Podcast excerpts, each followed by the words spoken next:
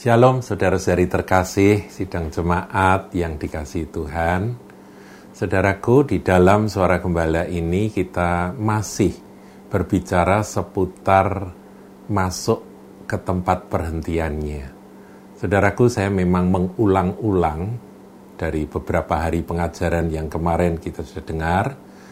Kenapa kok diulang-ulang? Ya, supaya masuk begitu ya seperti kalau mukul uh, ini apa paku ke dinding itu kan kalau satu pukulan itu baru masuk sedikit. Dua pukulan diulang ulang ulang baru bisa ambles begitu saudara. Ya harapannya mengenai pelajaran kebenaran masuk tempat perhentian panggilan Tuhan untuk masuk ke dalam kata pausis tempat perhentiannya itu kita betul-betul nangkap dan kita berusaha untuk masuk ke dalamnya. Masih ingat ya saudaraku ya bahwa syaratnya itu ya percaya dan taat nanti masuk ke dalam perhentian itu. Nah, saya ingin ngajak saudara sekarang uh, melihat Yesaya 28. Ayat 9 mulai. Dan orang berkata kepada siapakah dia ini mau mengajarkan pengetahuannya? Dan kepada siapakah ia mau menjelaskan nubuat-nubuatnya? Seolah-olah kepada anak yang baru disapih dan yang baru cerai susu kepada anak kecil. Sebab harus ini, harus itu, mesti begini, mesti begitu, tambah ini, tambah itu. Saudaraku ini menarik untuk direnungkan. Jadi kalau yang didengar itu adalah harus begini, harus begitu, mesti begini, mesti begitu, tambah ini, tambah itu, itu anak-anak, saudara. Itu adalah untuk anak-anak. Firman yang untuk anak-anak memang selalu demikian. Jadi ini nggak salah, tetapi untuk anak-anak. Kalau saudara mendidik anak-anak, saudara nggak bisa membiar-biarkan anak-anak itu untuk uh, ngerti sendiri itu seakan-akan ya. Ayo kamu harus tahu sendiri. Enggak, harus dikasih tahu, harus begini, harus begitu.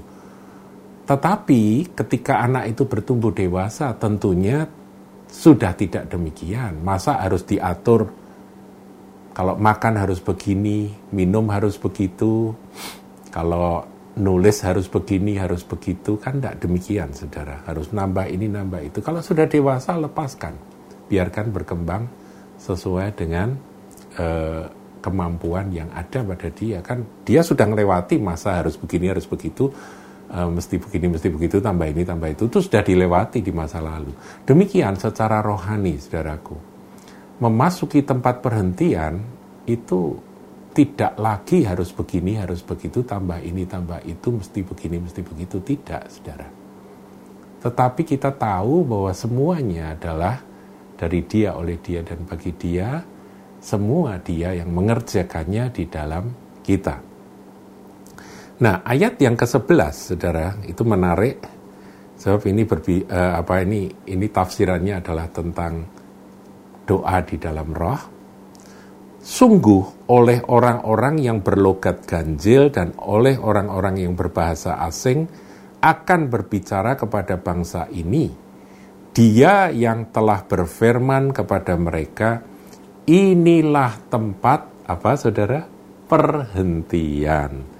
Berilah perhentian kepada orang yang lelah, inilah tempat peristirahatan tetapi mereka tidak mau mendengarkan. Nah ini mereka tidak mau mendengarkan ini jangan untuk kita, saudaraku ya. Kita mau mendengarkan bahwa logat ganjil, bahasa asing yang kemudian nanti oleh Rasul Paulus ayat ini disitir, saudara, ketika Paulus e, mengajarkan tentang bahasa roh, yaitu ada di e, 1 Korintus 14 ayat berapa 21 kalau tidak salah.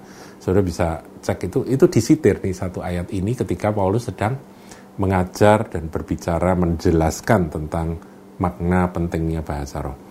Nah, ini bahasa roh yang di sini dikatakan ayat 11 logat ganjil dan bahasa asing ini itu adalah salah satu petunjuk Tuhan ya di perjanjian lama ini 700 tahun before Christ ya. Uh, supaya kita ini bisa masuk ke dalam tempat perhentian. Jadi alangkah baiknya Tuhan itu. Ketika saudara dan saya rindu untuk masuk dalam tempat perhentian, salah satu caranya adalah kita berdoa di dalam roh. Ketika kita berdoa di dalam roh, maka firman ini tergenapi. Inilah tempat perhentian. Berilah perhentian kepada orang yang lelah Inilah tempat peristirahatan tetapi mereka tidak mau mendengarkan. Sekali lagi kalimat terakhir ini bukan untuk kita. Kita mau mendengarkannya. Nah kalau yang tidak mau mendengar itu nanti ayat 13 saudaraku. Disuruh masuk perhentian mereka nggak mau, ya mereka nggak mau mendengarkan. Ayat 13 katakan, maka mereka akan mendengar firman Tuhan yang begini. Apa yang didengar? Ya seperti firman kepada anak-anak lagi. Harus ini, harus itu, mesti begini, mesti begitu, tambah ini, tambah itu. Ini Taurat, saudaraku. Taurat itu semuanya harus begini, harus begitu, mesti begini, mesti begitu, tambah ini, tambah itu. Itu Taurat. Tapi kasih karunia ada di dalam Kristus dan kalau kita masuk ke dalam Kristus, kita masuk dalam perhentiannya, nggak ada lagi. Harus begini harus begitu mesti begini mesti begitu tambah ini tambah itu. Itu Taurat. Di dalam Kristus kita akan dipimpin oleh rohnya untuk melakukan apa saja yang menjadi kehendak dia. Nah akibatnya apa? Supaya dalam berjalan mereka jatuh telentang sehingga luka tertangkap dan tertawan. Kalah saudaraku. Kalah. Kalau kalau kembali ke Taurat itu jadi anak kecil. Kalah saudara. Akibatnya jatuh telentang tertawan ya. Nah um, kemenangan kita adalah kemenangan in Christ di dalam Kristus ketika kita masuk dalam tempat berhentian kita akan benar-benar mengalami kemenangan yang sempurna tetapi sesungguhnya itu adalah kemenangan dia, bukan kemenangan kita. Kemenangan kita adalah kemenangan dia. Karena dia sudah menang. Dia sudah menyelesaikan peperangan dan peperangan sudah dimenangkan oleh Tuhan. Dia sudah menyelesaikan segala persoalan dan it's finished now. Itulah Tuhan Yesus. Kita masuk ke dalam perhentian, yaitu masuk ke dalam Kristus. Nah, saudaraku, saya kok teringat akan uh, dua murid yang dikasihi oleh Tuhan ya, yaitu Marta dan Maria. Ini kan klasik banget ya ini ya ceritanya. Yaitu dikatakan demikian. Ayat 39 ya. Dari Lukas pasal 10. Perempuan itu mempunyai seorang saudara yang bernama Maria, Maria ini duduk dekat kaki Tuhan dan terus mendengarkan perkataannya. Ini gambaran dari orang yang masuk dalam perhentian. Tuhan datang, dia menyongsong, dia duduk dekat kaki Tuhan dan dia mendengar. Mendengar apa yang Tuhan katakan. Ayat 40 sedang Marta sibuk sekali melayani. Melayani salah atau tidak, saudara? Oh, jelas nggak salah melayani itu harus. Tetapi Marta melayani berdasarkan apa yang dia anggap baik. Apa yang dia anggap benar, apa yang dia anggap menyenangkan, menyukakan Tuhan. Dia anggap. Dia tidak mau mendengarkan sebetulnya apa yang Tuhan mau. Apa yang Tuhan benar-benar inginkan. Nah ini gambaran gambaran orang yang di luar dan orang yang di dalam. Kalau Maria itu orang yang masuk perhentian. Dia berhenti, dia duduk tenang. Memang pada saat itu dia tidak melakukan apa-apa itu Maria. Marta tidak mau masuk terlebih dahulu tapi dia di luar dan dia sibuk melayani. Akibatnya ia mendekati Yesus dan berkata, "Tuhan, tidakkah engkau peduli bahwa saudaraku membiarkan aku melayani seorang diri. Suruhlah dia membantu aku. Sepertinya wajar ya melihat melihat saudaranya yang duduk dekat kaki Tuhan dan tidak membantu dia, dia jengkel itu wajar. Dan kalau kita secara umum kita bisa membenarkan akan sikap Marta ini. Tetapi apa kata Tuhan? Kita lihat. Tetapi Tuhan menjawabnya, Marta, Marta, engkau khawatir, saudara. Kekhawatiran yang ada di hati, kegelisahan, kekhawatiran itu adalah tanda bahwa seseorang itu ada di luar, tidak di dalam tempat berhentian. Jadi kalau saya sampai khawatir terhadap apa pun juga, saya harus mengakui bahwa aku ada di luar. Aku tidak masuk dalam perhentian. Marta, Marta engkau khawatir. Loh Marta sedang melayani tapi penuh dengan kekhawatiran, kegelisahan. Mesti begini, mesti begitu, tambah ini, tambah itu. Bagaimana ya Tuhan supaya aku bisa memberi yang terbaik padamu. Ada kekhawatiran-kekhawatiran dalam pelayanan, sudah bisa bayangkan. Kasihan sekali. Tapi kita sering lakukan hal yang sama. Dan menyusahkan diri dengan banyak perkara, ya akibatnya susah. Susah sendiri. Dari diri sendiri gelisah, susah, jengkel, akhirnya proyeksi kepada Maria, saudarinya.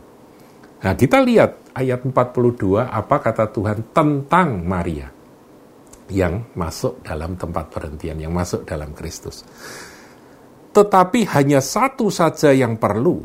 Maria telah memilih bagian yang terbaik. Jadi itu pilihan, saudara. Masuk dalam tempat perhentian itu adalah pilihan bagi orang-orang yang mengasihi Tuhan.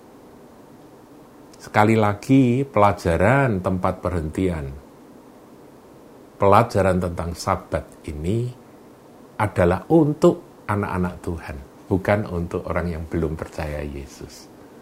Jadi saudara-saudari yang terkasih, kita belajar apa kata Tuhan, Maria telah memilih bagian yang terbaik. Jadi kalau saudara mau yang terbaik, ya pilihlah.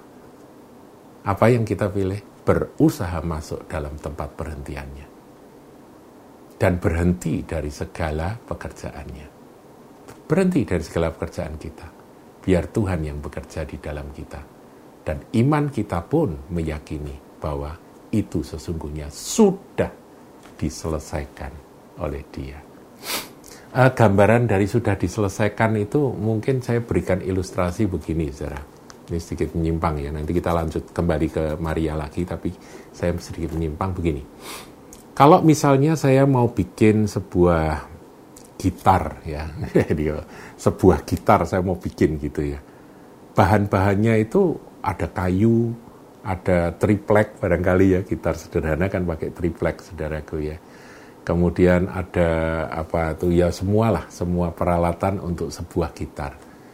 Nah bahan-bahannya itu kan belum berbentuk masih dikumpulkan ya kayunya harus dipotong harus digergaji harus dibentuk dan sebagainya tetapi sebagai seorang pembuat gitar, saya misalnya saya seorang ahli pembuat gitar, saya sudah tahu bahwa ini nanti akan jadi seperti apa. Nah, iman dari kita bahwa semua yang ada di dalam hidup kita ini sudah diselesaikan oleh Tuhan, itu bukan berarti kita tidak bekerja. Tetapi imannya itu seperti seorang ahli pembuat gitar yang tahu persis bahwa nanti kayu dan sebagainya itu nanti akan menjadi sebuah gitar yang bisa kita mainkan dengan suara yang merdu. Kira-kira seperti itu, saudara. Tetapi ini ilustrasi saja ya. Tentunya tidak tepat persis seperti apa yang dimaksud. Sebab ini hal rohani yang hanya bisa ditangkap secara rohani. Nah, kembali kepada Maria. Maria telah memilih bagian yang terbaik yang tidak akan diambil daripadanya. Sesuatu yang kekal sifatnya hanya ada in Christ, di dalam Kristus, di dalam tempat perhentiannya. Saudaraku, kiranya ilustrasi ini memperlengkapi kita. Bahwa kita jangan di luar seperti Marta, tapi kita ada di dalam seperti Maria. Haleluya. Tuhan Yesus memberkati.